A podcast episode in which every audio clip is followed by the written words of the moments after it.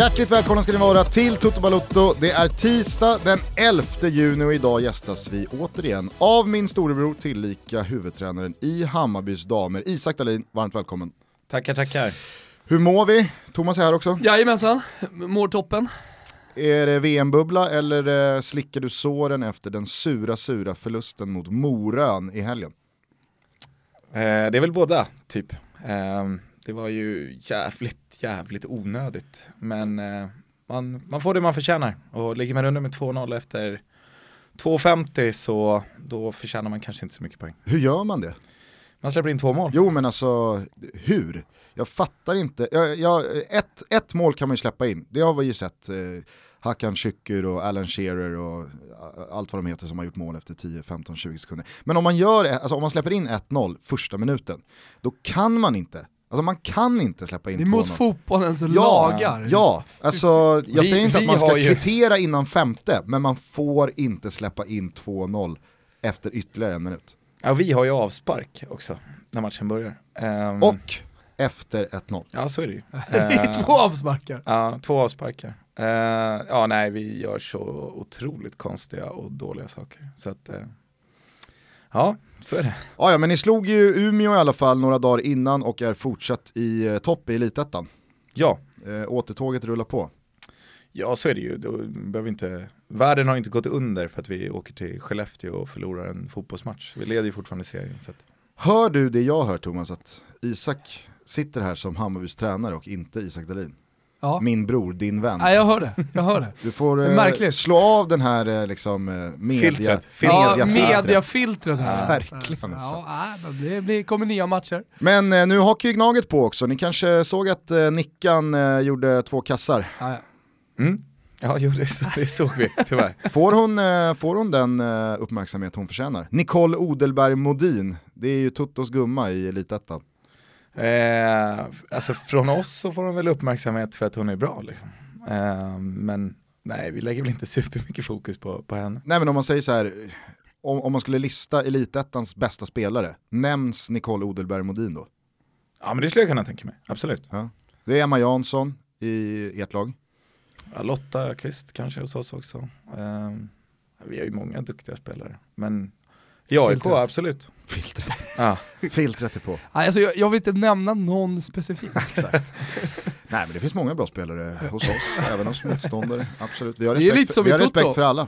Eh, Jag vill liksom inte lämna Gusten som en nyckelspelare här. Vi är, vi är många i Toto. Vi är Kim Wirsén, Ben. Svan, Svanemar sitter på kontoret och Ben, Ben, Ben består ju av tre. Hade inte Kviborg levt sitt eh, mycket märkliga liv så hade vi haft mycket färre uppslag Ja. att eh, ta avstamp i. Oh ja, eh, du är ju primärt inte här idag för att prata Bayern och Elitettan utan eh, dam-VM. Det är ju svensk VM-premiär senare idag, 18.00, Chile mot Sverige. Ah, Tre poäng ska bara bärgas, eller hur? Ja, enligt spelbolagen. Men jag tror att det blir mycket, mycket tuffare än vad spelbolagen har satt upp oddsen som i alla fall. Kommer ju till eh, premiärmatcherna för storfavoriterna lite senare i mitt svep. Vi kanske ska börja där, för Ja, det har tycker jag. spelats en hel del fotboll Oj. senaste dagarna. Eh, så att nu får du hänga med. får jag bara säga en sak om att det har spelats en hel del fotboll de senaste dagarna. Ja.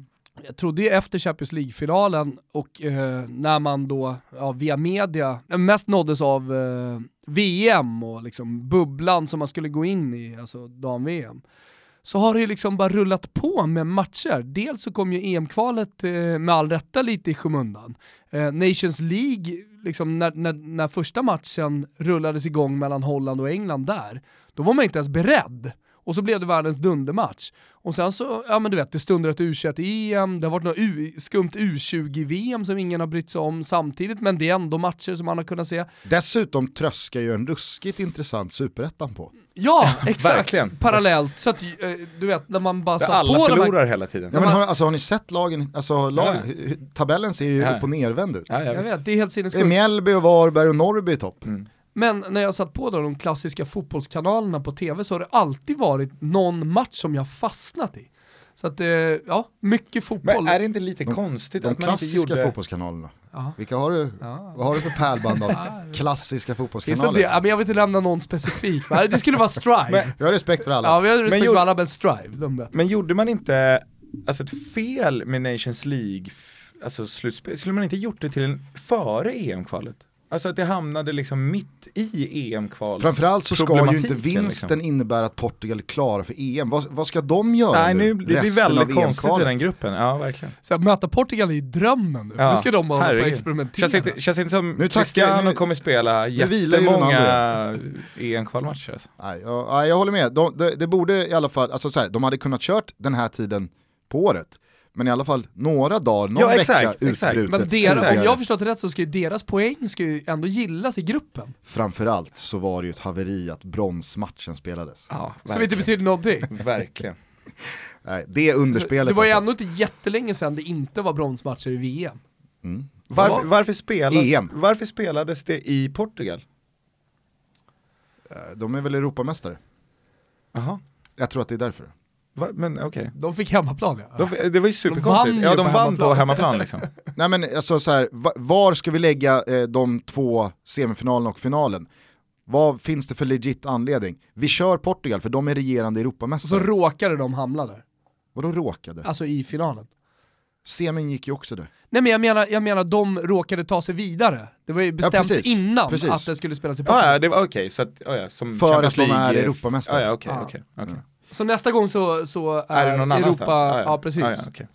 Vi får se vart Nation League avgörs Ja. nästa gång. Eh, Vill ni men- höra det här svepet? Ja okej, ja. Jannes gäng tog föga förvånande tre poäng mot Malta och inga mot Spanien. Målen borde varit fler hemma på Friends medan målen inte kunde varit färre på Bernabö som den gode Åke Unger körde måndagskvällen lång. Tung kritik riktades mot förbundskaptenen för matchplanen. Själv vet jag inte, jag tror nog vi suttit här med ännu en Amsterdam-undergång på samvetet om vi tryckt gasen i botten och släppt hästarna fria. Nu blev det 3-0, två straffmål och klasskillnad utan att skämma ut sig. Ibland är det bara att hacka i sig att det är där vi fortfarande är gentemot de allra bästa. Låt oss istället fokusera på att Rumänien hämtade 0-2 till 2-2 mot Norge i fredags och satte Sverige i ett ännu bättre slagläge på andra platsen. Sex poäng i september mot Färöarna respektive Norge hemma samtidigt som Spanien gör sitt så ska det här inte kunna gå att sumpa. Bra Sverige! Bra Janne! I övrigt kan vi rapportera att Portugal knep den första historiska titeln av Nations League efter 1-0 mot, eh, var det Schweiz? Nej, Holland, just det, Holland var det. Folket hittade faktiskt ut på gatorna dock och kanske, kanske kommer den där bucklan få sin tyngd vad det lider. Vi får helt enkelt se. England knep bronset, men jag tvivlar på att engelsk tv om 20 år sammanför truppen för en grillkvälls-reunion hemma hos Jordan Henderson, likt den bronshjältarna hade hemma hos Jonas Tern i Värnamo. Tillbaka till EM-kvalet. Dansken satte sig i skiten i sin grupp hemma mot Irland när Shane Duffy kvitterade sent och The Boys in Green stormar mot ännu en EM-fest. Firma Piontek och Lewandowski verkar trivas ihop och Polen ser ut att ha hämtat sig från VM-fiaskot i fjol. Fyra raka! Och på tal om nya landslag, Roberto Mancinis orkester har hittat de högsta tonerna på stråkarna direkt. Den fallna fotbollsnationen Grekland fick se sig manglade av den blå vågen med 3-0, men hade spaggarna velat hade det här minst kunnat bli det dubbla.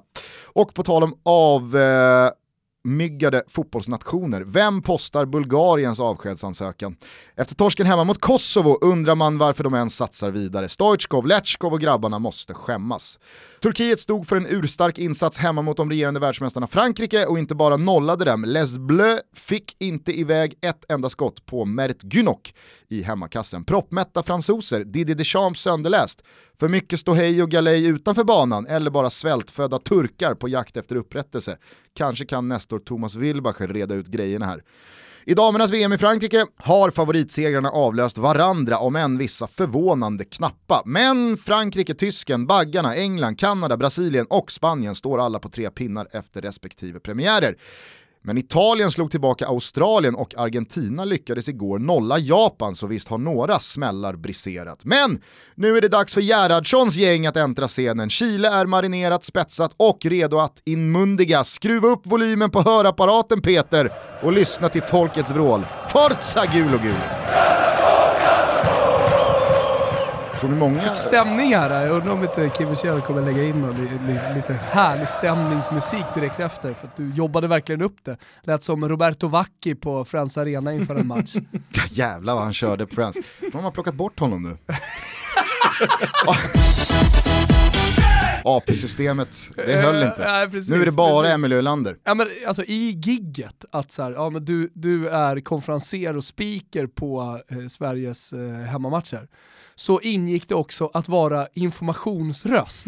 Så att du vet när du går runt Friends Arena så hör man liksom bara Roberto Vacchi bara toaletterna ligger 250 meter till höger. Ja. Ja, men det, är samma, det, är- det är samma sak, eh, alltså, Emelie Ölander kör ju det här giget själv nu, hon och Wacky körde ju tre, fyra år ihop. Eh, och då fanns det ju en dynamik i att liksom En, cra- en crazy guy. Ja, och, exakt. Vacke tryckte på när det blev liksom jublare som mål. Ölander körde de svenska bytena, alltså hon körde bytena på svenska. Vacke då tog det på engelska, eller om man fick riktig feeling, Han tar sig runt. switchade han över till skolspråket på, på, berört, eh, på berört språk. Men nu kör ju Ölander allt. Och jag märkte det i fredags när jag var på plats och, och, och kollade Malta-matchen.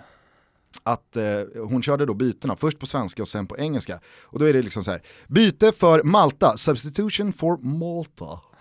Att det blir så tydligt när samma röst Ja, ja, ja, switchar, visst. samma nation. Ah, det blev ingen dundertryck. Jag- På tal bara, får jag säga det snabbt? Eh, jag var ju på den här eh, matchen i fredags med eh, kollegor och goda vänner från Och jag var där med Betsson, hörde. Ja, du var där eh, med Betsson och... Jävlar, och det blir alltid repa när du är inte med Gusten. Helvete vad vi körde på. ja. Det var kul. Det dundrades väl fram bilder på Ragge bojad i Badgerstad. Ja, helt otroligt. Vet, jag sitter där, Otroligt att de och så är det några, finns. ja men så börjar vi prata om, eh, ja men så här, om Toto-avsnitt. Nu var det inte så att vi satt och snackade om Toto-avsnitt hela, hela tiden i logen, men det var Jävla någon som ståhej. nämnde, Ja, men det var någon som nämnde 2 plus anekdoterna från Glenn Strömberg, som var väldigt många 2 plus anekdoter. Isak är en av dem. Ja, jo, jag vet. Så badbyxorna, man undrar var, varför berättades det? Eh, ja, det var så konstigt. Eh, men, ja du var tjock, Ja. det var varmt. Eh, hur som helst eh, så, så kommer ju Ragge såklart på tal, eftersom det är det bästa avsnittet som vi har gjort, det kan vi liksom bara slå fast här. Eh, då, då säger han bara, jag sitter ju inne på bilder på, på när, bag, när Ragge är bojad i Badgershär. Du skämtar! Och så nu, nu, har vi, nu har vi de bilderna, vi vet inte riktigt vad vi ska göra med dem, om världen är redo för de här bilderna Framförallt så tror jag att vi ska nog eh, hålla på dem och vara schyssta mot Mattias. Ja, det, det har jag inga problem med. Där blir det bara Mattias, där blir det inte Ragge. Utan då, när man ska vara schysst mot någon, då blir det. Mattias. Ja såklart. Alltså, Men- nej men det är väl klart att, vad fan. Det, det är... Men jag, Ragge, Ragge är en vän. ja, Ragge är en god ja, vän. ja, ja, verkligen. Jo, kan ju inte han har ju berättat, han har ju redan berättat, folk har ju sina, sina bilder i huvudet. spelar för. Men jag ska cirkulera. bara säga en sak på tal om det, jag kan väl vara öppen och säga det väl Gusten. Att eh, jag, jag, jag låg i någon slags pole position att vara speaker på Friends Arena. Jaha. Det, det kan jag vara öppen och säga. Solo eller med Ölander? Nej, alltså med. Ja, det hade varit sjukt om det hade varit du Ja. och Vacki. Det hade inte Friends varit redo för.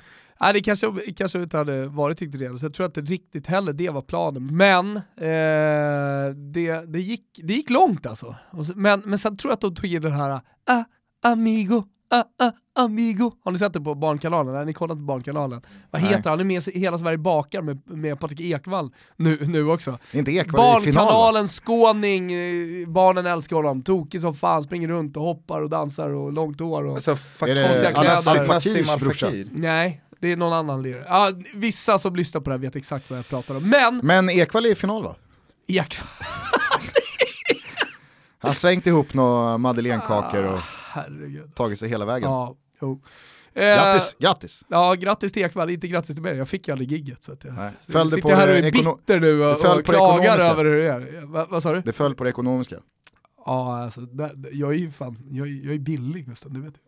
Eh, ja, eh, du hade kul med Betsson i alla fall. Jag ska bara säga det att jag var ju på matchen med eh, goda vänner och kollegor från produktionsbolaget Dobb och lite vinnare som har vunnit eh, biljetter via eh, programmen vi gör där.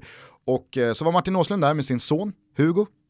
Eh, jag, jag, jag, ska inte säga, jag ska inte säga att jag Yngre son eller äldre? en... Nej, bara- En. Ja men vadå, en... Hans stora son eller hans lilla son? Jag vet, Nej, jag vet inte. 12 bast. Ja, exakt. Mitt ögonmått skulle säga 12-13 Ja. bast. Och så eh, slumpade det sig så att vi hamnade bredvid varandra på läktaren. Så att eh, Hugo satt då på ena sidan av Martin, så satt Martin och sen satt jag. Eh, så att jag hörde då far och son hela tiden under matchen. Hur var det? Ja, men det var speciellt för att det, det är liksom det är ingen vanlig eh, farsa som tar med sig grabben på fotboll och tycker att det är lite kul med Sverige och landskamp utan det var nästan, alltså så här, Antecknar du nu Hugo? Exakt. Eh, fokusera, jag tycker att du ska fokusera lite på sexan där i Malta. Titta hur han rör sig, det är så jävla dåligt alltså. Han hamnar snett i ytorna hela tiden. Och sen så gjorde Marcus Berg något bra, eller det tyckte i alla fall majoriteten av de 26 000 på läktaren. Då hör man Martin, det där är inte bra Hugo. Det, där är, det, där, det, där, det, det är bara idiot som tycker det där är bra. Han rör sig helt fel. Han missar ju att slå passningen i första ytan. Och sen så väntar han en sekund för länge. Det är inte nära. Det är, det är huset det. Sen började vågen rulla, man kan tänka sig att liksom 12-åriga Hugo tycker att det, det, ska bli kul när det, det var ju bra tryck på vågen ja. också. Jävla tryck ja, alltså. try Bra tryck på kortsidan ska ja, jag säga. Schnitzel till Camp Sweden. Gulasch till Gul och Gul som inte masade sig bort, i alla fall gav dem lite extra kärlek. Ja. När de står och ropar för det. Skitsamma. Vågen börjar rulla och så liksom ser man Hugo börjar ladda. Fan vad kul det ska bli att delta i det här. Då hör man vågen, vågen Hugo. Det är ett jävla otyg. Hör inte hemma på fotbollsläktare. Han ville liksom upp och ställa sig men det, han trycktes ner. Det är lite skarvat här, men nu kommer något helt oskarvat. Det här är så, eh, då, då tävlar vi under kvällen då med ett resultattips och minut för sista målet när det ska göras. Och eh, eh en kille som är med då från eh, Dobbhåll, han har skickat in en signerad landslagströja i potten.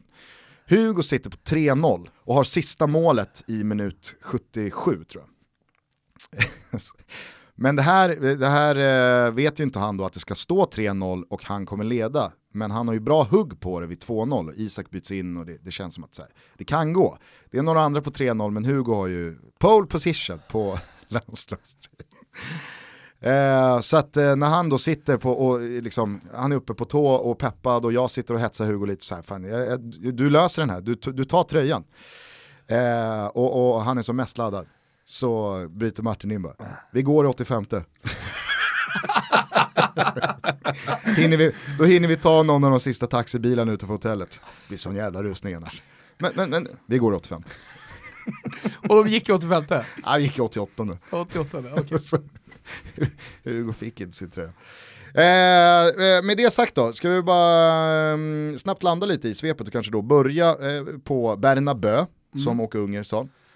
Vad tycker ni, vart, vart, vart står ni i den här eh, post 03 diskussionen om att Janne valde fel både matchplan, startelva och eh, ja, matchcoachning väl under de 90 minuterna? Jag tycker att det är oproportionerligt att liksom tro att eh, hade vi bara spelat Kristoffer Olsson och skickat in Alexander Isak tidigt så hade vi suttit här med en eller tre poäng. Nej men får jag bara säga en sak innan vi släpper på Isak. Uh, jag, jag, jag, skulle vilja gå tillbaka till Italien-matchen, playoffet, när vi blir väldigt tillbakatryckta. Nästan liknande matchsituation uh, som det är i första halvlek här. Alltså den som egentligen är bäst i vårt lag, det är Gustav Svensson, som är bäst i Sverige på, om man nu ska prata om statistik och så vidare, men han är ju, det är bara att titta, bäst i Sverige på att spela fe, alltså, försvara felvänd. Han, han, är otroligt vass i boxen på att liksom få iväg bollarna och eh, på de här inläggen som spanjorerna är ganska vassa på, och som de uppenbarligen hade som matchplan att liksom skicka in eh, mellan målvakt och backlinje. Där är Gustav Svensson också vass. Och vi såg ju Albin Ekdal hamna väldigt mycket i den rollen eh, igår. Eh, det belystes också i tv-studion efter att han nästan blev en extra mittback. Eh, så, så, så här, det, I de här, den här typen av match, då vill jag se den typen av spelare, så att Jakob Johansson kommer in till exempel, på tal om matchcoaching och så vidare. Det har jag inga problem med, för att vi, vi är så otroligt tillbakatryckta. Sen så är det klart, ja, får in Kristoffer Olsson, vad tappar du i defensiven då? Jo, vi tappar just det där felvända försvaret, eh, självklart. Däremot så kanske vi vinner lite då i bollhållande, men vi ser till exempel en Albin Ekdal som absolut inte är dålig eh, på att hålla i bollen. Han spelar i, i fucking Sampdoria, han hamnar i de här situationerna hela tiden. Han är, han, han är, han är bra med bollen, men lyckas inte riktigt.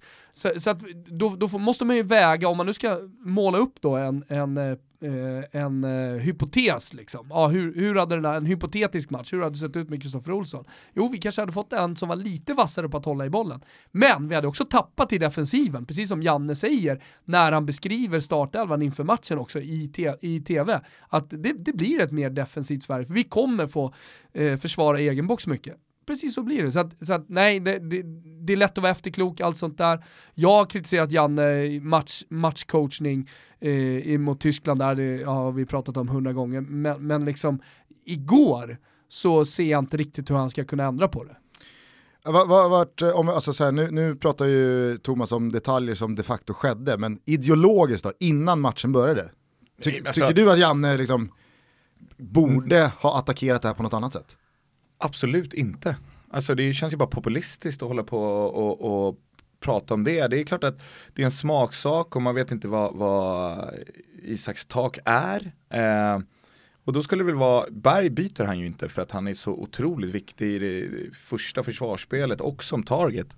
Men, men oh, Quaison har gjort mål i tre raka landskamper så jag vet inte riktigt var han skulle ha spelat då i sådana fall för att det, det, det, ah, populistiskt att tro något annat och alltså vad trodde vi? Alltså det är Spanien ja, men, med, med en ass assisterande förbundskapten som jag tror är otroligt sugen på att göra, visa upp sig själv och sitt lag på bästa sätt. Och det är en, alltså det är en överkörning av Guds nåde ja, ja, så med, så... med så, så defensivt balanserat lag vi kan ha på plan. Med, med, alltså, att Pontus Jansson ser bra ut, det är ju för att eh, först Seb då och sen Jakob Johansson och Albin Ekdal hjälper mittbackarna. Helander synas ju ordentligt och står upp okej. Okay. Jag tycker eh, Pontus Jansson är jättebra.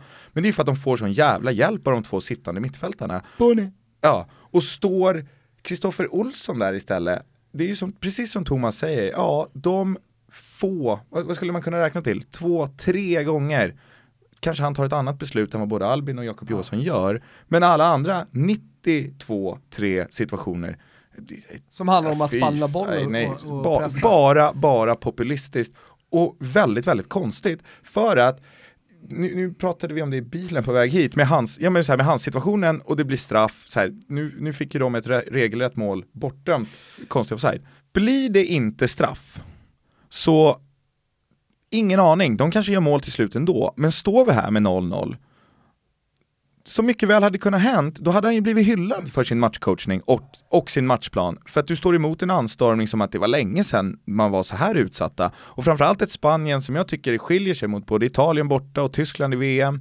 Eh, på det sättet att de har ju faktiskt vridit det och Luis Enrique har vridit det att det inte bara är ett bollinnehav där man kan ligga och flytta block utan nu slår de ut lagdelar och de sätter tidiga cross och tidiga inlägg och det är ju, och fasta, hur tunga är de på fasta? Alltså den situationen med fyra raka hörner där, det, det är ju ett bombardemang. Så att, ja, det, här var, det här var ett av de bästa motstånd Sverige har mött på mycket, mycket länge.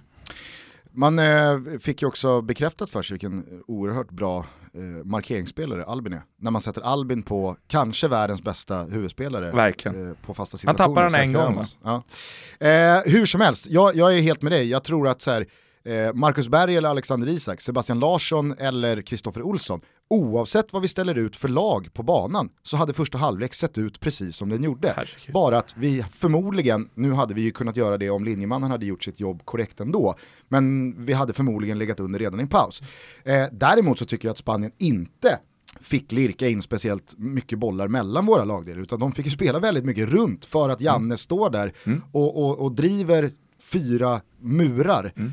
kanonbra. Ja, och sen så tror jag så här, enda chansen att Sverige hade kunnat ta tre poäng i den här matchen, det är att gå för 0-0 ja. och att hålla det till 0-0 till sista tio ja, när en hörna ett, eller en... Få ett alltså, läge Ja men det är det jag menar. Det, det, det, finns inte, det är bara inse. Vilket lag än Sverige ställer på banan. Med Zlatan, liksom, du, du kan ställa tre Zlatan på banan här. Mm vi, vi, kan inte slå Spanien på något annat sätt. Vi nej, kan, sen handlar, sen handlar i, såna fall, att... i, i, alla fall inte så länge Spanien dyker upp så här. Nej, nej. Spanien ska dyka upp jävligt mätta och så nöjda som, och klara. Så som, så som de dök upp mot Norge. Alltså den matchen är, där är, där är Spanien två klasser sämre när de möter Norge.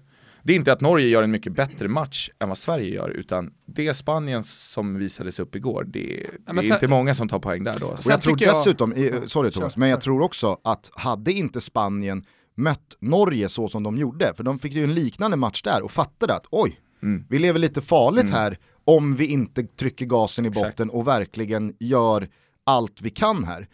Den, den fällan går vi inte igen. För att visst, de vinner den matchen, men liksom, där är ju marginalerna mindre från att tappa poäng. Så att hade, hade, hade det varit omvänd ordning så tror jag att Spanien hade dykt upp lite mer loja och tänkt att ja, det här löser väl sig självt. Liksom. Sen har jag och Isak suttit i Eurotalk-studion för tio år sedan och diskuterat det här med hur, huruvida liksom, hård matchning påverkar spelare. Eh, om du spelar var tredje dag, att det kanske den tredje matchen så, så, så blir du lite trött. Eh, det är ju förlegat nu, hur som helst. Om vi nu ska prata om studion bara lite kort eh, inför matchen så slår de fast, jag vet inte hur många gånger, att det är drömläge att möta Spanien just nu. För att de har haft en lång säsong, eh, de kanske har redan och mentalt är, eh, spekulerar man i, fast det är inte bara spekulationer, det är också att man slår fast det. Drömläge för att de redan är på väg till havet, de, eh, de har spelat 48 omgångar, man har tagit fram statistik på att de svenska spelarna i snitt då har spelat kanske 28 matcher, bla bla bla och så vidare. Alltså, man, man måste skilja på att spela var tredje, var fjärde dag. Det är en sak. Eh, och det är klart att det påverkar. Eh, och en lång säsong kan också påverka. Beroende på lite hur uppladdningen har sett ut också. Hur har Spanien, liksom, hur har de spanska spelarna, hur har deras senaste månad sett ut? Jo, väldigt få har spelat eh, i Champions League och Europa League-final. Vilket betyder att det var nästan en månad sedan som La Liga tog slut. Eh, och ja, de andra ligorna ute i Europa också.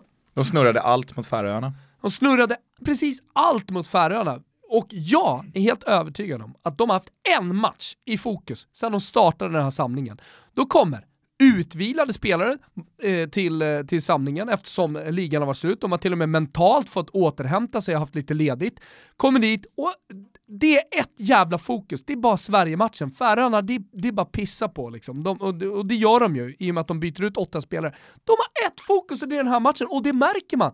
Första 45 minuterna, det är en sån jävla överkörning, för att det är, det är det här. Sätter vi den här matchen, vinner vi mot Sverige, då är vi klara för EM. Det vet de om, det är som en final för de spanska spelarna. Ja, och, och, de lägger matchen på Santiago Bernabéu, ja, det är inte alltid de gör det heller. Alltså det, det, det är sånt jävla fokus från den spanska fotbollen, från förbund hela vägen ner till spelarna som märks. Så, så att Dessutom... hela införstudion hamnar liksom i ett sånt jävla fokus på att de, de spanska hamnar... spelarna ska vara trötta för att de har spelat en lång säsong. Det, Framförallt, det skulle, det är så tokigt alltså. Jag skulle bara addera det till också att Spanien har ju precis som många andra, Frankrike, Italien inte minst här nu efter Ventura, har ju också börjat gå den vägen att det är inte längre självklart att de rutinerade landslagsmännen på 50, 60, 70, 80 landskamper från storklubbarna är de som tas ut i landslaget, utan kolla vilka spanska spelare som har lämnats mm. utanför landslagstrupperna senaste ett och ett halvt åren. Det gäller ju att hålla sig på tå. Morata vet ju, som har varit in och ut, han togs inte ut till VM och så vidare. Alltså han vet ju att, okej nu är jag med igen, nu är det läge att prestera här, nu kan jag inte bara surfa vidare till nästa samling. Alltså det ska man ju också ha i beaktning. Jag tror att, jag tror att jag tror att, på tal om Norge-matchen igen, jag tror att där borde fokus vara att det är rätt läge att möta Spanien så som Norge gjorde. Mitt i en ligaavslutning. Precis. Det är så här, första matcherna i ett EM-kval som span, men spanska spelare, det finns räddningsplankor Och spanska spelarna vet, det är klart att vi tar oss till EM. Sergio Ramos är mitt uppe i, mitt emellan så här, slutspel i Champions League och, och det är väl då fokus har är någon annanstans. Inte nu när det är det sista han gör innan Nej. han drar till Mykonos. Och det, det, liksom. det, är det som är så roligt, ja, exakt, det, det är det som är så lite lustigt. Jag menar, den här spelas ungefär i samma veva som, som en VM-premiär spelat ett, ett mästerskapsår. Och jag menar, då har man haft sin månad på sig att förbereda sig, men då har man ett VM. Så då kanske man är till och med lite nedtränad. Det kan mm. man till och med som coach se till. Men, men nu har de alltså, har flera veckor på sig att bara se till så att de är i toppslagen för den här matchen. Nej, jag, tycker, jag, jag tyckte det var så jävla sjukt att det sitter kompetenta människor och, och, och slår fast de här grejerna och så lurar en hel nation som sitter och kollar på den här studien. Lurar? Ja men de gör ju det för det, det, det, det, det sitter ju massa folk och liksom lyssnar på det där och tror på det de säger såklart. Ja, alltså så här, Eh, det är bullshit! De, hård, de hårda siffrorna är i alla fall de hårda siffrorna. Sen så kan man ju välja att Jo fast det måste ju eh, finnas en analys, ja det måste finnas en analys till och det är väl en felaktig analys, uppenbarligen, uppenbarligen. så var det Siffrorna talar väl mer för att jävlar vad bra spelare Spanien har som spelar så här många matcher i toppligorna i Europa än vad svenska spelarna Hur som helst, jag nämnde ju det här i eh, svepet, det är ju ett gäng år sedan men många kommer ihåg när Erik Hamrén dundrade in med väst och cigarr och klang och jubel och nu skulle det vara shining.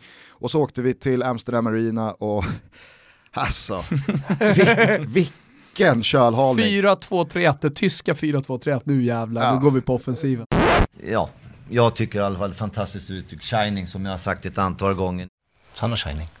Berra Safari bjöd på ett inkast. Det var innan Men... granen blev granen va? Då, han stod inte så högt i kurs efter den matchen va? Nej, nej, det var inte speciellt många som gjorde det. Nej men alltså så här, det är ju lätt att glömma.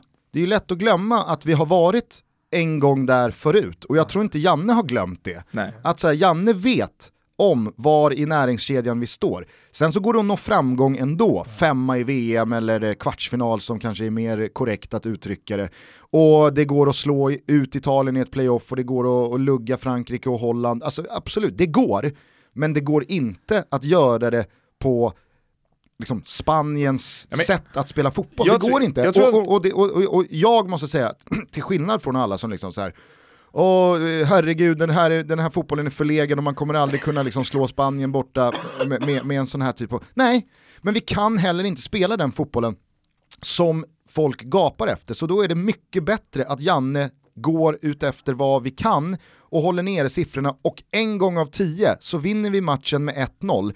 Tre gånger av tio lyckas vi nå 0-0. Sex gånger av tio så är det bara att inse, nej, det går inte. Nej. Nej, Nej det här blir 2-3-4-0, men det blir inte 8-0 och pinsamt.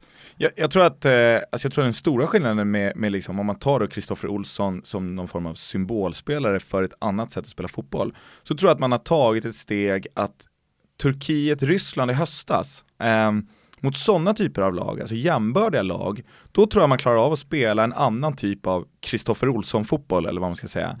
Eh, och det är väl en framgång i sig. Men att tro att man ska åka ner, jag vill säga, som jag sa till Thomas, man, man syr ihop ett par kombinationer igår när man får lite lugn och ro.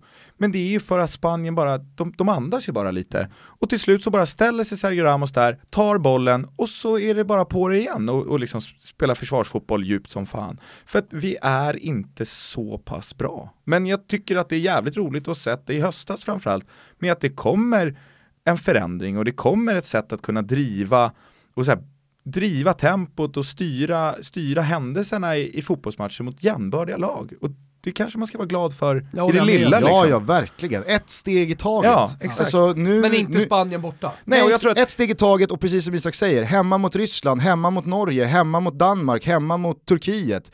Då är det Sverige som tar bollen, det är Sverige som liksom äger matchen. Framförallt så tror jag att matchen mot Norge i, i våras, på, alltså den borde, hade den spelats på Bernabös gräsmatta så hade ju, jag tror Sverige hade vunnit den matchen överlägset. För då hade man kunnat bedriva ett, ett passningsspel. Nu var det ju en sand, liksom, det var en sandlåda man spelade på.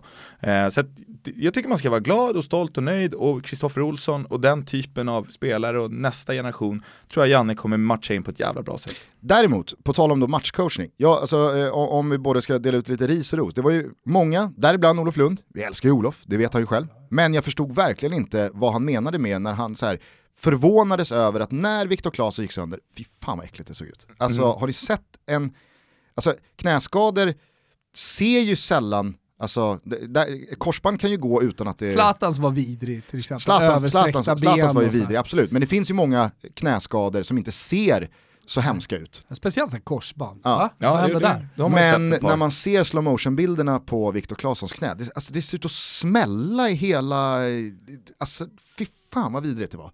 Eh, och jag tyckte Noah Bachner skrev det kul att oj vad många eh, experter på knäskador det fanns på Twitter. Och att Men Backe och, trodde hälsena. Nej, hälsena eller knä. Mm. Vi får se. Men eh, jag, jag, jag är ingen medicinskt utbildad person som kan ställa diagnos. Däremot så kan jag ju av erfarenhet hur han, ling, alltså var, var var båren? För Ja, det kan vi fråga. var var båren? Men när han inte ens kan stödja på benet, då, då är det så här, Krasnodar ska nog inte räkna med honom i toppslag till något Europakval. Återsamlingen lär han ju kanske missa. Så att det var jävligt tråkigt. Men hur som helst, när han då byts ut efter, vad var det, 30-35 minuter? Alltså då står det ju 0-0. Visst, Spanien har haft en boll i nät, men där och då var ju det offside. Det, det var ju säkert offside i Jannes huvud. Att, ja, klockrent, vi håller linjerna kanon. Och ja, Robin Olsson har gjort ett par räddningar. Men det är, ju, det är ju den här matchplanen Janne vill ha, det är ju så här han har satt upp matchen. När då en spelare går sönder och måste byta, ja men då ändrar man ju inte i formationen eller balansen på Han laget. utan- mördar ju oss då om man skulle göra det. Ja, men framförallt så mördar han ju sig själv. Alltså då, då ge, nähä, nu ändrar jag mig efter en halvtimme när han har det han uppenbarligen vill ha. Så det är ju självklart att Jakob Johansson ska komma in, ut med Sebbe Larsson som har spelat eh, högerfält 100 landskamper och så har vi samma defensiva balans på mittfältet och så fortsätter vi på inslagen väg för att det står fortfarande 0-0. Så att de som började skrika om Kristoffer Olsson i det läget, äh, jag, jag, det, det, Men- det, jag, jag, jag, jag blev svettig blev jag. Hög Men- tro på Kristoffer Olsson, man, man tror att han ska komma in och ändra på hela matchbilden när Ja, men- Spanien tokdominerar i 30 minuter Alltså, och, och Robin Olsson har gjort fem stycken monsterräddningar. hade, hade Viktor Claesson gått sönder i 59 i underläge 1 eller 2-0, då Ja. switchar man Viktor Claesson mot Kristoffer Och Olsson. hade han inte gjort det då, då kan man väl ge han kritik Exakt. för det. Däremot så håller jag ju med dem som undrade varför inte Alexander Isak i alla fall kom in tio tidigare. Han såg trött ut framförallt Mar- Marcus Berg, så kan man ju tycka vad man vill om eh, ja, Marcus Berg kontra Alexander Isak, vem som ska starta, vem som ska Absolut, jag spela, menar men han såg också trött ut. När alltså. det väl står 1-0, Oh. jag säger inte att man ska byta in Alexander Isak för Filip Helander och liksom Ja, men nu det blir en signal för- ändå, det blir en Ja. signal till hela laget. Samtidigt, Det bytet tycker jag han avvaktar lite för länge. Men, men du sa det väl själv, att matchplanen var att hålla 0-0 till 10 kvar och då Ax. försöka få en, en slumpchans. Men jag menar, jag tror att Janne är så pass medveten om att när det står 1-0, jag vet inte, när, när tycker du att han skulle kommit in? I 70 Ja men exakt. Men då, så, så blir det 2-0 så snabbt. Jo men det är väl, alltså Spanien kan göra många mål utan att det är Alexander Isak eller Marcus Bergs fel. Jo, men jag tror att han, ja, alltså Mar- visst. Mar- Marcus Berg kunde inte göra mål på en omställning 65 och framåt. Det kan ju Alexander Isak. Framförallt så kan han vara med och skapa en i högre utsträckning än Marcus Berg. Och med Alexander Isak på plan så kan det ske, med, med Alexander Isak utanför plan så kan det inte ske. Det är bara det jag menar. Att så här, ja, ja, det är klart att Jannes plan var att hålla 0-0 eller 0-1 till 80, 80 plus. Men eh, alltså, balansen i den matchplanen förändras ju inte om du tar av Marcus Berg och sätter en Alexander Isak. Nej. Nej, Inte jättemycket i alla fall. Hur som helst, eh, jag, jag tycker att eh, man ska gå ifrån den här samlingen och, och liksom, bra då fick vi en reality check på var vi står, det kanske folk behövde efter VM-framgångar, Nations League-gruppspelsvinst och, och liksom, kan vi åka och slå Spanien på Bernabéu? Va? Nej, det kan vi inte. Så att nu går vi för den där andra men platsen. alltså, och framförallt, jag tyckte det fick så lite uppmärksamhet. Rumäniens vändning, det var ju sån jävla... Ja, ja, men, ja, absolut. Men att de, de snor två poäng av Norge, det är supernöt Ja, ja, ja. för Sverige. Men att det, det flög lite under radarn, för att det var fokus på att vi skulle ner och spela ut Spanien. Det, det är ju jättemärkligt. Vet du, vad jag, vet du vad jag dessutom har kommit till insikt kring under det här EM-kvalet? Hur fruktansvärt mycket bättre det är med inbördes möten i sådana här små grupper. Men jag är fortfarande pro målskillnad i ett ligaspel. Alltså när det är 38 Absolut. omgångar. Absolut. För då är det så få matcher mot Ja, ja. ett lag som då Ja, men det avgör är två olika... Ja, ja. Precis, Ja, så ja. att jag, jag, jag, vill verkligen, jag har alltid varit så här, nej målskillnad är bättre än Nej, eh, inbördes, men i sådana här små grupper, inbördes. Verkligen. Eh, jag undrar om det kommer att appliceras här nu på eh, slutspelen. Jag vet inte det, men det borde det väl göra. Om det görs i kvalet så borde det väl bli samma sak i, i slutspelen. Bra Uefa och Fifa, om det nu blir så. Vi är denna vecka sponsrade av Seat Stockholm och precis som vanligt är vi överlyckliga för det Thomas. Ja, det kommer ju faktiskt en eh, parkeringstävling här strax. Eh, Jag och Isak, eh, vi skulle, skulle parka, kom lite snett. Men vi ska, du kan också säga att det var lite svår gata att parka på. Ja, till slut gjorde du det bra. Ja, jag, Ett tag, ett tag var det... jag var en meter Känsligt. från eh, trottoaren. Och så var det kö bakom. Men, Men körde, körde Thomas sin ordinarie bil? Sensor och tv-skärm och allting? Sensor, kamera och eh, en liten vakt kom ut ur bakluckan och vinkade in honom också. Ja. För jag menar, Thomas har ju, han har ju odlat en rejäl tuppkam senaste månaderna här eh, inför Fickis mot Mickis Ja. och eh, skaffat sig en startlapp. Eh, men jag tror ju att när Thomas väl sätter sig i en, Vanlig ska du sätta dig i en eh, Seat Leon Ja, okej. eh, med automatspak, eller som eh, Top Dog Micke säger, spansk växellåda. Manuell. Fem plus bilhandlar eh, grej att köra alltså. Eh, då tror jag att det blir andra bullar. Mm. Ja, det kanske det blir. Vi får se helt enkelt. Seat Steholm heter, eh, heter de på sociala medier och eh, seatsteholm.se går ni in och kikar och bokar provkörningar eh, och gottar er bland alla fina bilar de har. Precis, det finns kanondealar för privatleasing som vi går i god för till 100%. Vi säger stort tack till Seat Stockholm för att ni är med och möjliggör Toto Balutto. Tack! Nu är vi nära Gusten, Sveriges premiär i VM. Hur känns det? Ja, men jag är ruskigt peppad. Ja, Den här Chile-matchen har jag sett fram emot eh, länge nu. Ja, så är man lite darrig där när man såg att de gjorde en bra match mot eh, USA här nyligen som är ett av de bästa länderna i eh, sommarens VM och också eh, en av eh, lågoddsarna, eller hur Gustav? Och vad kan man då göra undrar du, för att stötta det här landslaget eh, även om man är på hemmaplan? Jo det är att klä sig i gult och blått. Kläder som Stadium mer än gärna tillhandahåller alla som vill eh, supporta damerna. Då tycker jag man ska gå in på Stadiums hemsida och helt enkelt klicka hem ett par fina Sverige-tröjor. Det är just nu tre för två på alla Stadiums supporterprylar och det finns dessutom supportershoppar uppbyggda i de fysiska butikerna. Men om man vill eh, trycka sin tröja med namn på antingen en spelare i landslaget eller kanske sitt eget namn så gör man det online. Eh, vi är väldigt glada att Stadium är med och sponsrar podden i samband med dam-VM och vi säger med vår största unisona röst, lycka till ikväll tjejer. Lycka till! Och tack till Stadium. Stort tack! Vad tror ni om eh, den här matchen jag lät eh, hänga? Turkiet-Frankrike 2-0. Inte ett skott på mål för sniglarna. Nej, jag, jag kollar på den matchen också. Proppmätta ta- eller Aha. Eh, utsvultna turkar? Ja precis, där kanske backen får rätt i sin analys då. Men nej, det handlar ju såklart om eh, hur man förbereder sig inför matchen. Eller så fick backen rätt. Ja, nej det fick han inte. Nej, eh, alltså jag vet inte, var det någon annan som såg den? Det var, det var ett helt otroligt Turkiet. Jag såg och, första halvlek. Ja men på tal om att också få med sig publiken på planen, alltså när Turkiet spelar på sin hemmaarena, när det är sånt jävla tryck som det är på den. De körde ju den isländska vulkanen, fast det blev en turkisk vulkan som lät ungefär liksom, ja, tio gånger mer än den värsta isländska vulkanen man hörde under EM 2016. Visst var det en det kokande helt... gryta? Ja, det var, den här gången var det fan det alltså. Vet du vad det var? en häxkittel. Det var en häxkittel. Det, det, var, det, var, det var helt sjukt och Cengiz Ynder gjorde ju kanske sin bästa match i, i den turkiska landslagströjan.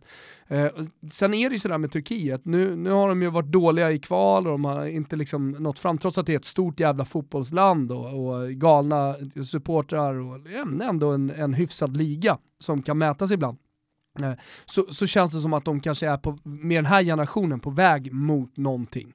Eh, och om man då får med sig lite, alltså man får med sig publiken och man, och man får något resultat som faktiskt stämmer, då, då tror jag att man, man kan ta till sig liksom, ah, ja, hela nationen som positivt ser på landslaget på, på ett sätt som faktiskt höjer dem en eller två nivåer. Och det händer i den här matchen. De får, de, de får matchen precis dit man vill och äh, helt ärligt alltså, fransmännen ser rädda ut nästan ute på planen.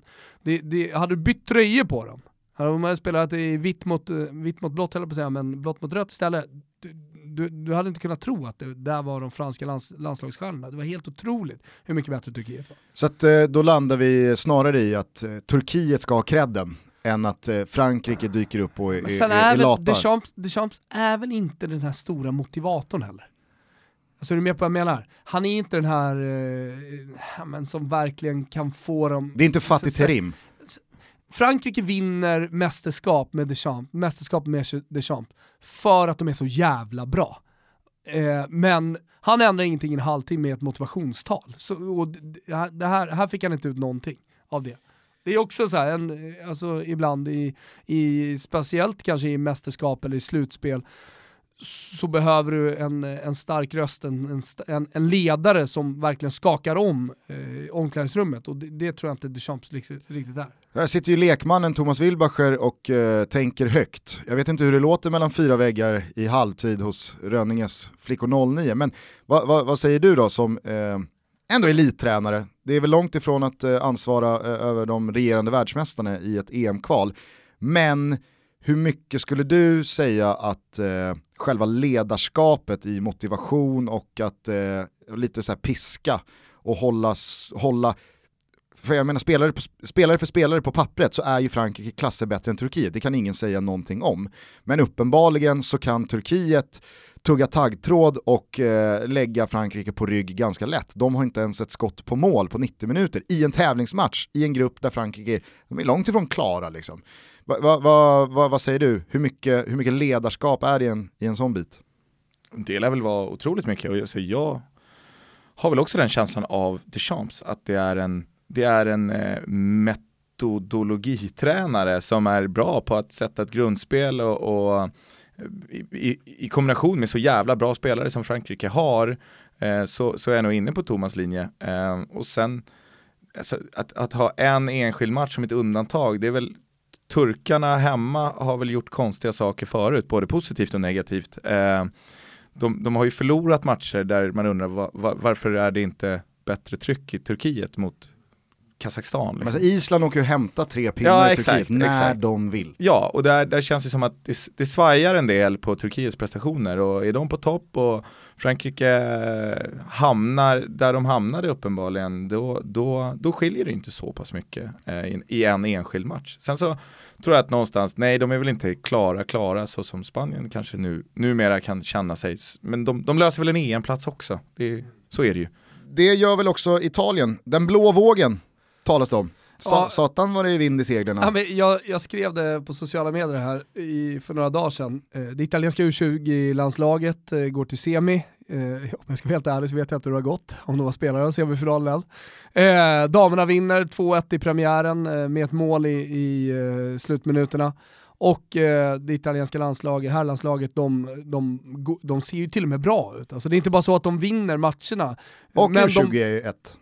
U21 ska ju spela på hemmaplan nu och de har ju tagit ut ett bomblag. I och med att det inte är ett mästerskapsår så kan de inte ut precis alla bra spelare eh, som inte konkurrerar med A-landslaget. Så att, alltså, det kommer säkert också bli alltså, en, bra, positivt. Men eh, man bara stannar kort på det italienska herrlandslaget så har Mancini gjort, eh, på tal om att, att vara en processtränare, metodologitränare, så har han ju faktiskt jobbat hårt sen han kom. Det såg inte bra ut i början. Men sen har det hela tiden sett bättre, bättre, bättre ut. Han har börjat hitta rätt i vilka spelare han faktiskt ska använda på de olika positionerna. Men han har låtit det ta tid och de har gjort en del dåliga prestationer under, under den här eh, perioden som Mancini Mancini har varit förbundskapten.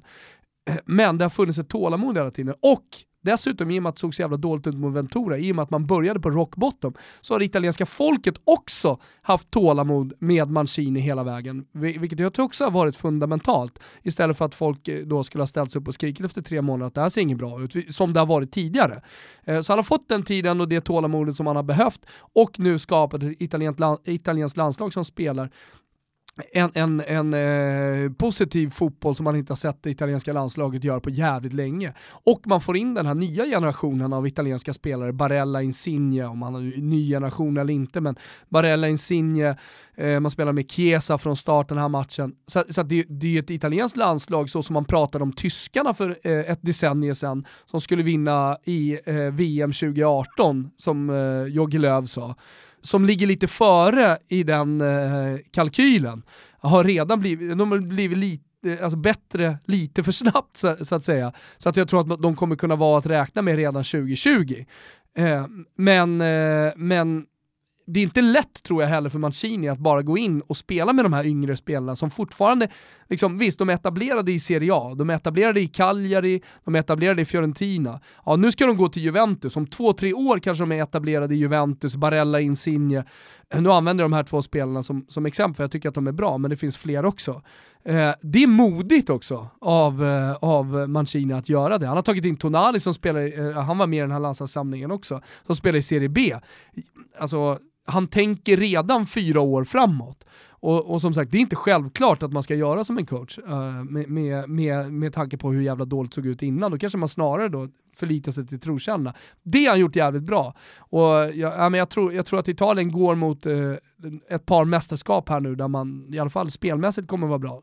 Och jag tror att man kommer kunna hota liksom om, om ganska uh, framskridna positioner i alla fall. Är det, inte, är det inte lite samma, om man ska ta Tyskland-exemplet där med att Maschini har den statusen att han har råd att bygga långsiktigt. Precis som, ja. som Klinsmann fick innan Löv tog över. Att de, de har Klinsmann, det. Alltså, ja men de har det, ja absolut.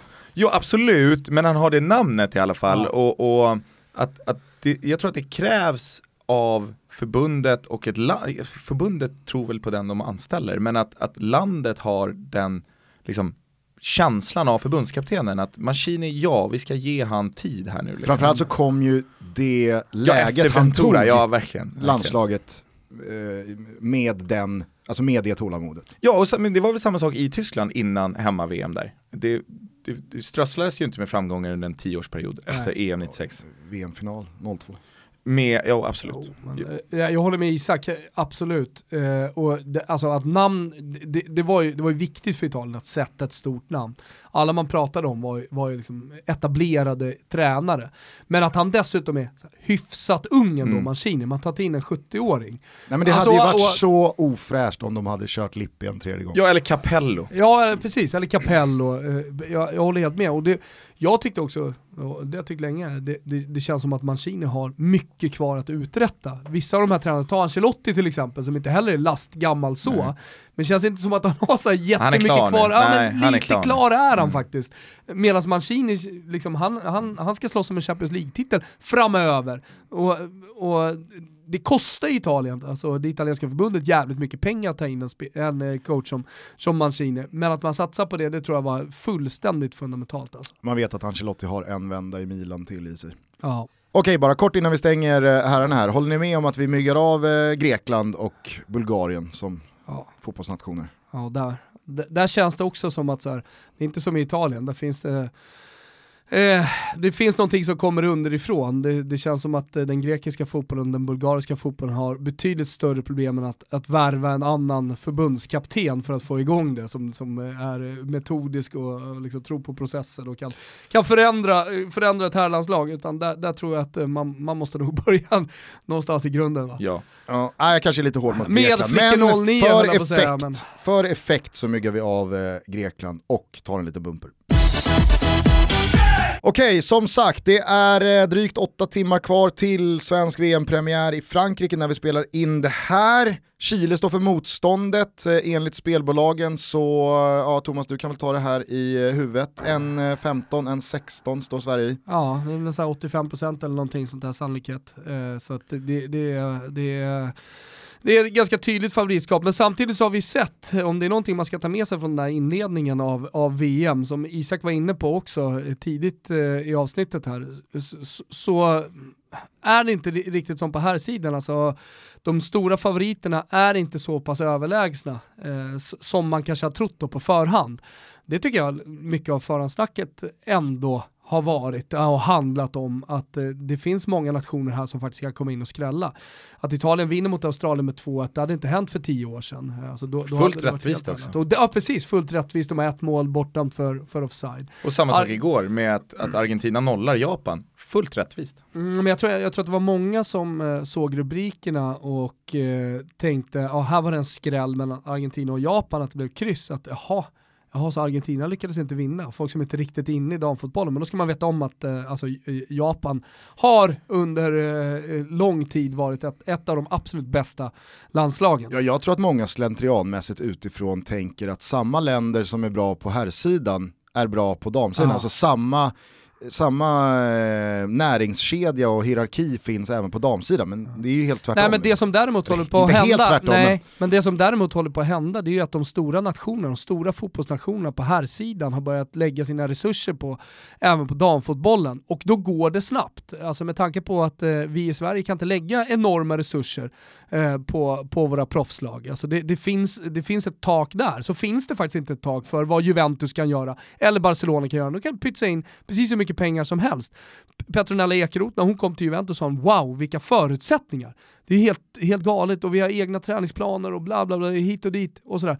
Men, men Juventus kontra liksom, de, de svenska topplagen eh, de senaste tio åren, i, i liksom ett, ett, betydligt svagare lag, ett, ett, klubblag. Men som sagt, de kan lägga de här resurserna och alla vet om att fotboll handlar om pengar, så ska det nå någonstans, ja, då, må, då måste du också spendera på det. Och, men men det, det, det är där jag tror att hävstången för de här klassiska herrnationerna eh, som har varit bra eh, kommer, vara, kommer slå enormt och det kommer slå snabbt.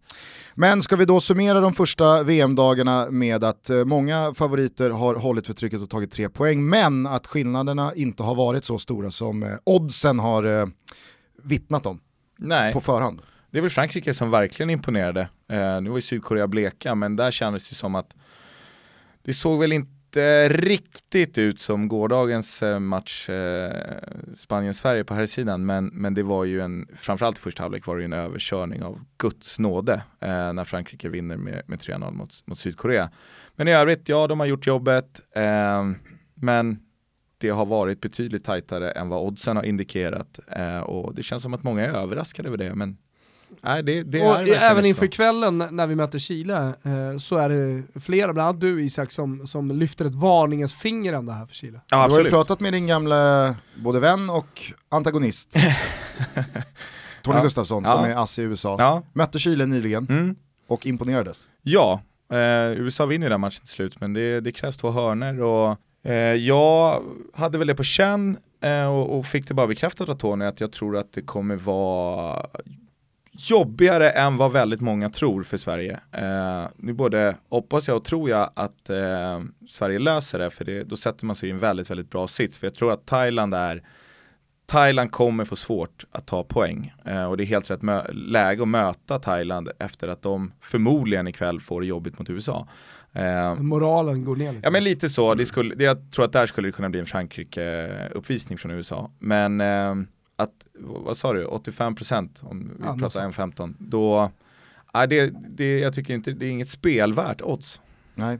Men eh, det svenska laget då, det, alltså Gerhardsson är ju lite kryptisk. Eh, Ja, verkligen. Vill ju verkligen inte prata om vilka positioner som är öppna i hans bok och så, och, och så vidare. Men han verkar ha bestämt sig. Allting tyder väl på att Caroline Seger, lagkaptenen, eh, går in från start och eh, när hon säger att hon kan spela 90 så då spelar hon väl 90. Eh, men som jag har förstått det så är det annars högersidan där det är lite så här, man kan välja väg, precis som i A-landslaget med Durmas Claesson, eh, ett par andra alternativ. Eh, vad, vad, vad blir det där? Ja, jag tror att han till slut landar i att Sofia Jakobsson spelar till höger. Eh, jag tror att Glas bakom sig eller? Ja, förmodligen.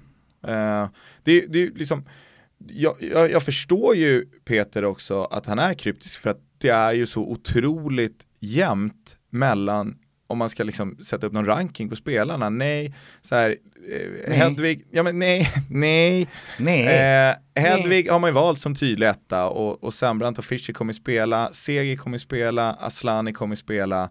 Sen är det ju, och jag tror Rubensson kommer spela och Magdalena Eriksson kommer spela. Men övriga fyra, fem positioner så är det så otroligt jämnt eh, i konkurrensen och det är jämnt och det är ganska lika typer av spelare. Ehm, så där blir det nog väldigt mycket dagsform och, och fingertoppskänsla från Peter Gerhardsson.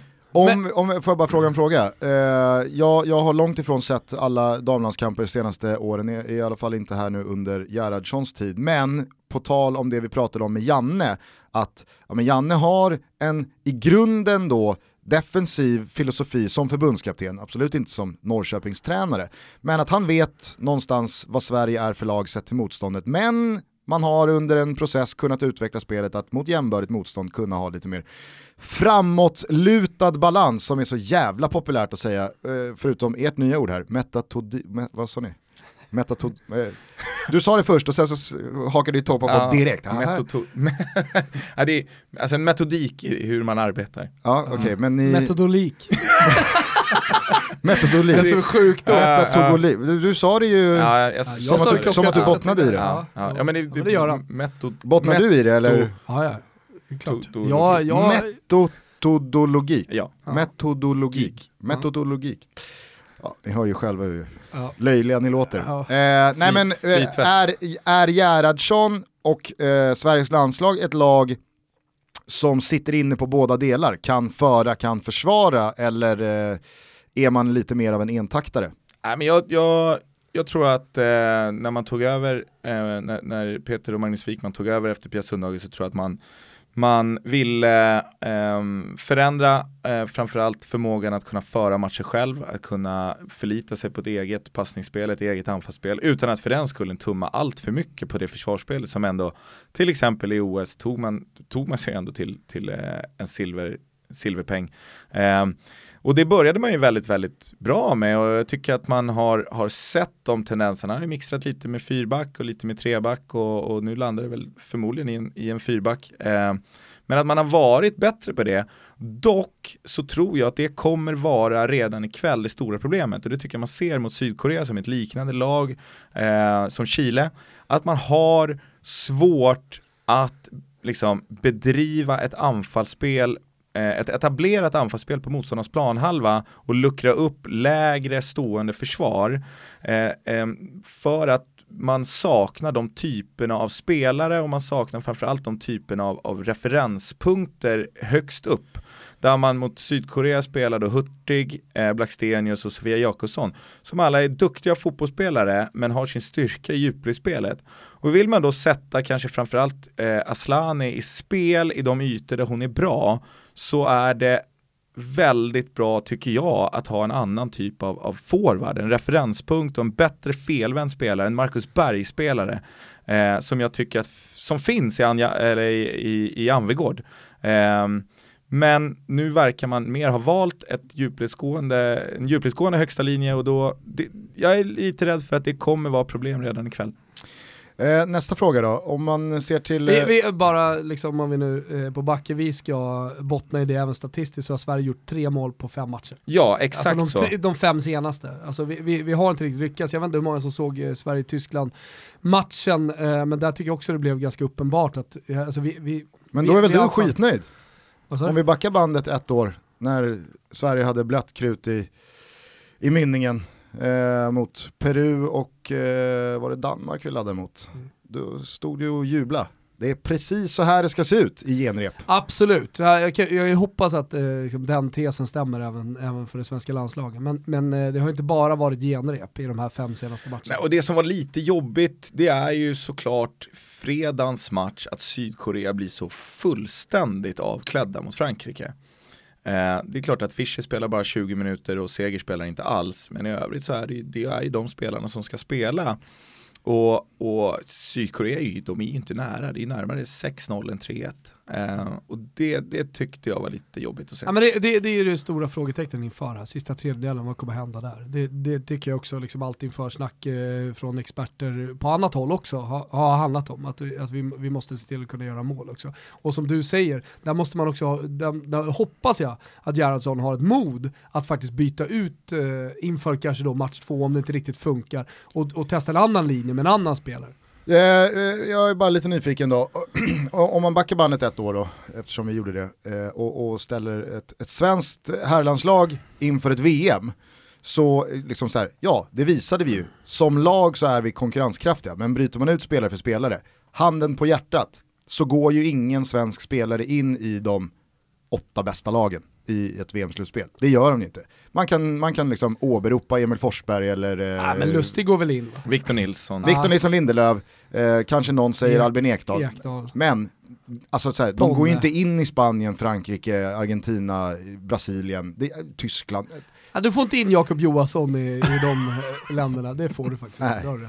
Det om man då ser till eh, det, det, det svenska damlandslaget, eh, inför mästerskapet så var det väl en 8-9 lag som hade lägre odds på slutsegern än eh, Sverige. Om, om vi då bryter ner till topp 5, hur många svenska spelare går in i, i topp 5-landslagen? Är det någon? Bra fråga. Jag, jag tror tyvärr inte det. Nej. Så att, eh, när man liksom så här, genom media och alltså, herregud, det, det håsas ju svenska spelare också. Alltså, eh, kolla bara på hur, hur man pratar om Victor Nilsson Lindelöf efter två bra matcher i Manchester United. Oj, oj, oj, förs- framtida försvarschefen på Old Trafford och Premier Leagues bästa mittback och så vidare. Det är han ju inte. Eh, men ibland så kan man ju få, alltså så här, genom media så kan man ju ibland tro att Caroline Seger, det är en världsklass mittfältare. Kosovare Asllani, det är liksom, eh, det, det är en toppspelare ute i, ute i proffs-Europa och, och, och Hedvig Lindahl, är det världens bästa målvakt? Men, så är det kanske inte. Nilla Fischer lyfter Champions ni- League-bucklor med Wolfsburg och... Nilla Fischer skulle, skulle kanske gå in, eh, framförallt för, för något eller ett par år sedan. Eh, och sen tror jag vi landar kanske i, i liksom de bakre regionerna med Magdalena Eriksson, eh, så bra säsong i Chelsea. Samtidigt som att Chelsea går inte särskilt långt i, i Champions League. De är långt ifrån alltså den verkliga toppen med Barcelona och Lyon och, och Paris och City. Eh, Sembrant. Ja. Okej, okej säsong i Montpellier som är, vad kan det vara, 20 poäng efter Lyon. Eh, och Lyon består ju av, av spelare som nu, alltså Argentinas nia spelar i Lyon. Alltså det, det, de är japansk mittback i Lyon och det, det, det är mycket, det har hänt så mycket som inte får så stor uppmärksamhet i Sverige på damsidan. Och om man då bara ska sätta det i perspektiv, Lotta Schelin för en 6-7 år sedan, hon hade gått in i vilket lag som helst. Ja, alltså framförallt så tror jag att om du backar ytterligare tio år, Hanna Ljungberg, Victoria Svensson. Jo men då, alltså, var, ju, då var ju Sverige någon annanstans också. Jo absolut, på, på, men jag tror att det, för, ja, men absolut, men för att, för att verkligen kunna säga med säkerhet att ja, men de här går in i vilket annat topplag som helst. Eh, då, är det, då är det där tror jag vi landar. Ja, ja, jag menar bara att så här, Zlatan, oavsett om Sverige missar mästerskap eller åker i gruppen eller vad det nu är, VM, ja, han absolut. går ju in Ja, i eh, Ja, de allra flesta lag. nästan Absolut. alla landslag Mm. i Nej, men så här, Lotta, Lotta Schelin under, under hennes bästa år, absolut. Mm. Eh, Men sen så, sen så dalade hon ju lite i form och även i det svenska landslaget så Mm. gjorde hon inte li- riktigt så stor skillnad som hon gjorde under sin bästa period. Okej, Chile ikväll, Thailand i match två och sen så förhoppningsvis då ett USA på sex poäng redo för slutspel i tredje matchen. Eh, har, har, du, har du landat i eh, på vilken fot du står? Börjar, eh, börjar, börjar eh, ett, ett segertåg rulla här? Eller Ja, men kan det jag- bli lite motigt? Jag tror att det kommer vara lite som... Hedersamma förluster är ju annars, det är Sveriges grej. Ja, ja men jag, så det är väl en otacksam slutspelsträd, eh, har man väl förstått om man inte luktar skulle lyckas. Kanada va? Nej, det luktar väl Tyskland, va? Tyskland luktar det ganska mycket om Jaha, vi kommer eh, tvåa i gruppen. Mm. Tyckte de sa Kanada Och på- Tyskland har, har vi typ aldrig vunnit mot. Alltså, speciellt i mästerskap så är det ett riktigt boogie-team. Nej, man, har ju, man har ju drömt mardrömmar om Birgitte Prins. Ja herregud alltså. Mm. Ja, Släckt ett par, Mm. släckt ett par pokalhopp. Och ett par liv. Nej men, eh, jag, jag, alltså man tar väl sig vidare för att det är... Satan vad det small mellan Birgitte Prins och Kiki. Ja, ja, herregud. Caroline Jönsson kom ut på en hörna. Boom sa det bara. Han var stor prins alltså. Ja, hon var enorm. Alltså, det är kanske också. det Sverige skulle gått på Nickan från Gnaget. Så vi har haft något liksom riktigt target där på, där på topp. Ja, faktiskt. Eh, nej men jag tror att man tar sig vidare i gruppen med det här upplägget likt eh, EM 2016 för herrarna så är det klart att det, allt annat är ju ett fiasko. Det, det är ju bara... Det, EM det, 2016 för herrarna. Hur menar du då? Ja det var väl första med fyra sexlagsgrupper och att treorna också tog sig vidare. Jaha, ja du menar så. Eh, ja, och Jag och du med att- menade Sveriges insats, för den var fan inte mycket avancemang. Nej och det är klart att det är fiasko i den, men samtidigt så är det så här, du sitter ändå... Minns fortfarande jublet mot Belgien Ja, när Sveriges exakt. första skott på mål Exakt. kommer Jo, i du tredje si- matchen. Du sitter ändå, Oj! du sitter ändå och hoppas på att vi, vi kan lösa Belgien, då går vi till åttondel. Nej, men, eh, vi blir bortdömda i den här matchen. Jag menar, är det inte Zlatan som gör mål det, som, som, som eh, är liksom ett felaktigt bortdömt mål? Det går att blåsa där. Ja det går, det går att blåsa. Nej det tycker jag inte. Det går att blåsa. Men det är klart att allt annat än det är ju fiasko. Och sen så är det såklart så att det ser man ju på Argentina igår och, och jag menar Janne är på väg att göra det i 65 minuter i, igår också mot, mot Spanien. Ah, på väg och på väg var väl, det var snällt. Eh, men jag menar, Pinnen hängde ju inte och dinglade framför ögonen. Det är så- Blås av! nej så är, så är det väl kanske. Men jag tror att eh, en, en, en mellannation i en åttondel, ja då skulle det kunna börja rulla på. Eh, för att jag tror inte, alltså, ja problemen finns i hur, hur man ska kunna kontrollera matcher vid anfallsspel, vem ska göra mål, vem ska göra poäng, men jag tror inte, eller jag är övertygad om att man kommer vara otroligt or- defensivt organiserade, starka på fasta och det som vi ser hittills räcker det, det räcker ganska långt och i en enskild match så tror jag att man kan slå väldigt många, men att hålla på och ha förhoppningar om att, eller förväntningar att allt annat än en semifinal är dåligt, ja, då tror jag man är illa ute faktiskt. Men då finns det ändå en röd tråd till eh, Jannes landslag. Du säger att man kan slå de bästa men man kan inte slå dem på vilket sätt som helst. Alltså ska Sverige nå en semifinal, då kommer man behöva, likt Janne på Bernabeu, eller Bernabö, eh, sätta eh, defensiven och stå emot. För att Sverige kan inte Ja, med kreativ eh, anfallsfotboll tävla med USA, eh, Frankrike, Norge, Tyskland. Jag tror inte att, jag, jag, jag hoppas men jag tror inte att man har kommit dit än, utan lite samma cykel som, som Janne eh, liksom har hamnat i och herrlandslaget har hamnat i. Eh, Och som vi sa, att mot, mot likvärdigt motstånd och mot jämnare motstånd, då ser det inte ut som det gjorde för 3-4 år sedan, utan då kan man bedriva en, en annan typ av, ett annat typ av anfallsspel. Eh, och, och, man har mer kreativa spelare som får vara kreativa på plan. Men mot de bästa lagen, som jag fortfarande tycker att den här truppen kanske passar bäst mot, att du faktiskt får spela på omställning mm. och du får ligga lägre, då passar ju våra, de allra flesta av våra forwards passar mycket bättre i det spelet. Eh, så att ja, jag tror att det kommer krävas. Vad har du för eh, feeling då? Ja, jag har ganska bra feeling faktiskt. Eh, nu, nu, nu har det varit lite trevande. Fan, fan, vad, fan, vad, fan vad jag känner att jag inkvoterade dig där. Ja, ja Tompa, vad har du för feeling då? Ja, ja exakt. Har du något att säga här borta eller?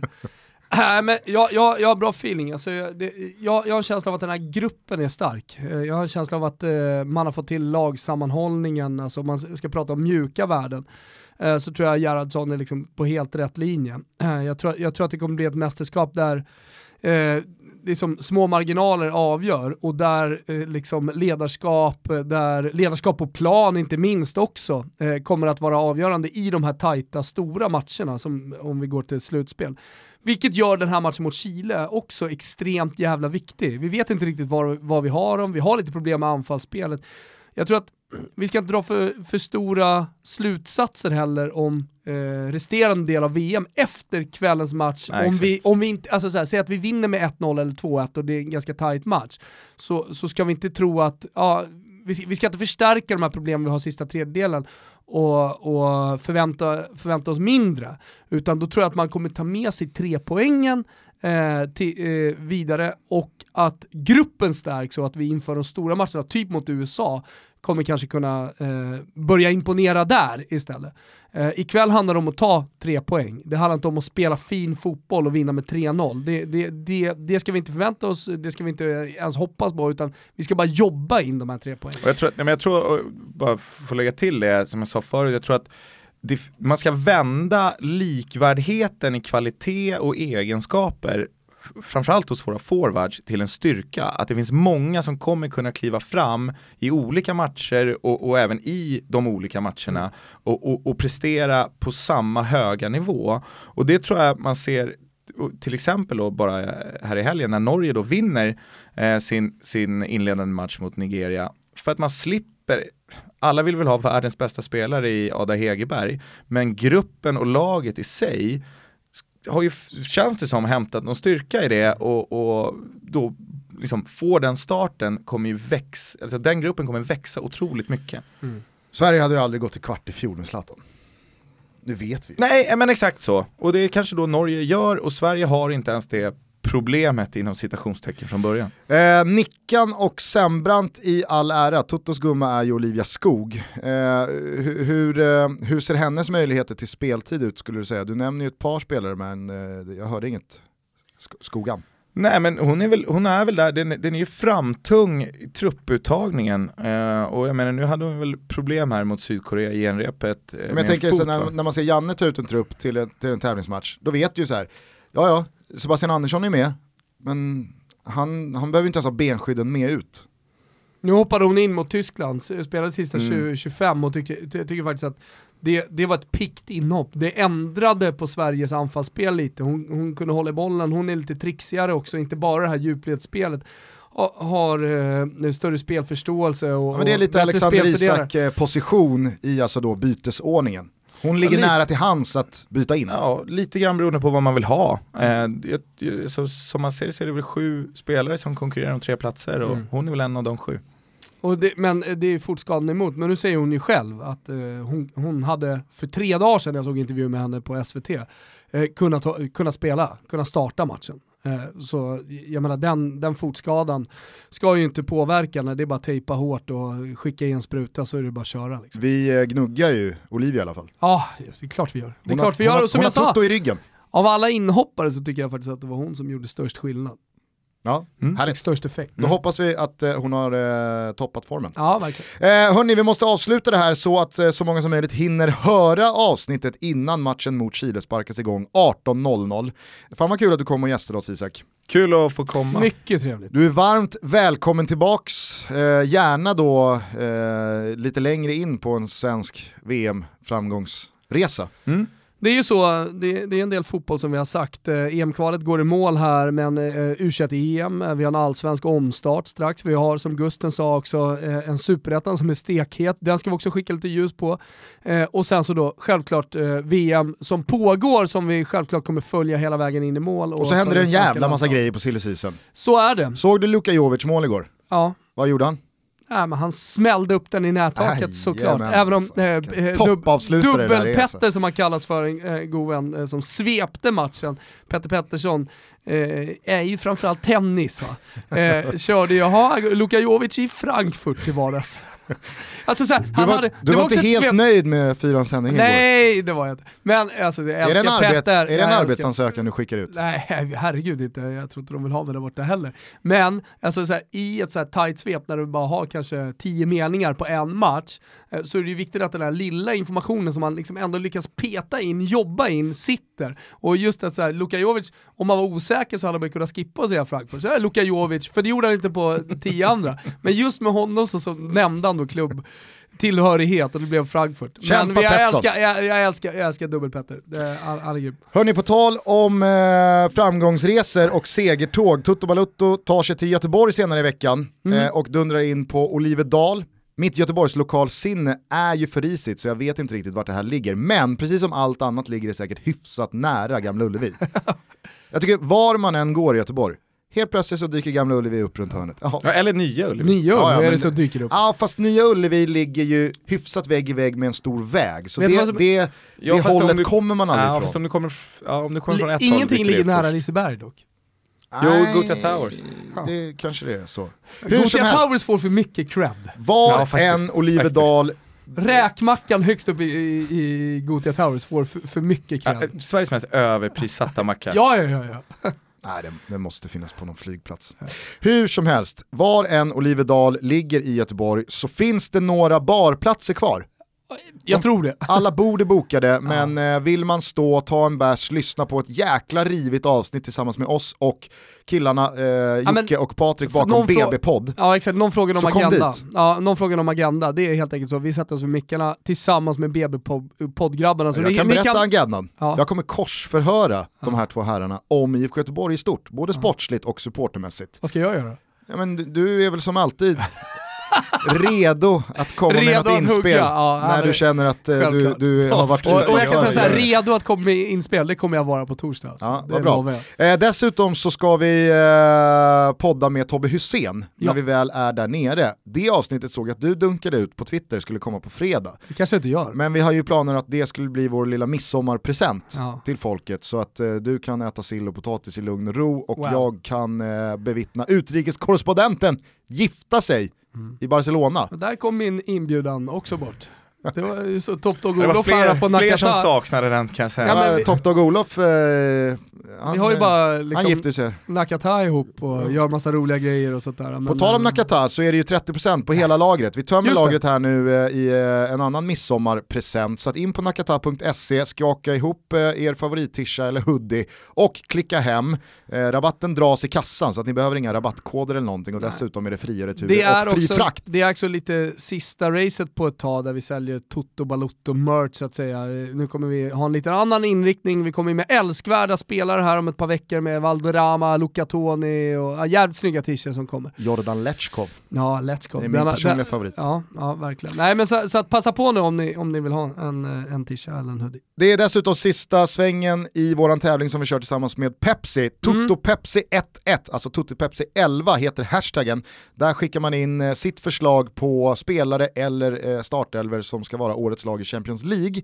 Man kan vara hur kreativ man vill. Ja, än så länge så är det liksom inte så här hundratals som har gjort det, så ni har god chans att vinna, så passa på att vara med i tävlingen här nu. Knåpa ihop ett lag, hashtag tutto, Pepsi 11. Och det är inte kattpiss i uh, potten, det är alltså biljetter till Friends Arena och Juventus Atletico Madrid Mäktigt. i början av augusti. augusti. augusti, och då kommer jag och Gugge med också så det blir jävla trevligt. Får man inte biljetter till den matchen, ja då kan man ju se den matchen på Strive eftersom de sänder hela International Fina Champions Strive. Cup. Som man vet att gänget borta på eh, Ingmar Bergmans gata. Jajamän. Eh, mittemot eh, Rish sitter och gnuggar här nu Alexander Isak till Real Sociedad. Vilket lyft det Ja. hade varit att få Alexander Isak för 79 spänn i månaden Ja. i La Liga. Ja. Förutom allt annat. Den satt, den satt i krysset. Vi, vi tar bort det och säger så här. Ja, eh. det går inte. Jag säger så här. Ta med, ta med det här istället. Vi- Ta med det här istället. På Eh, tal om att få med alla i båten liksom. Ja, ja, exakt. Forza Gulo Gulo, vi hörs snart igen. Vi ses på Olivedal alla som eh, både kan och vill ta sig dit. Och så får vi väl helt enkelt se om det blir med Tobbe Hysén eller bara med dig och mig på fredag vi hörs igen. Så här. Ciao tutti! Ciao tutti. Forza Gulo Gulo. Ja, ja, jag är redo nu Men det går så Håll hårt i din goda vän För där ute finns det gott om ormar Gå med dem som vill dig dina fickor är tomma. Glöm dem som vill sänka dig. Sudda bort bad-minded tjommar. Ju mera de spottar på mig Desto snabbare kommer jag blomma. Sudda, sudda, sudda, sudda, sudda bort dem. Nedtryckare finns alldeles för gott om. Sudda, sudda, sudda, sudda bort dem som Hugger dig i ryggen när du vänder dig om ser dem redan från start. Ögonen säger en helt annan sak. Och det visar sig snart Att det rötnaste hjärta har helt annan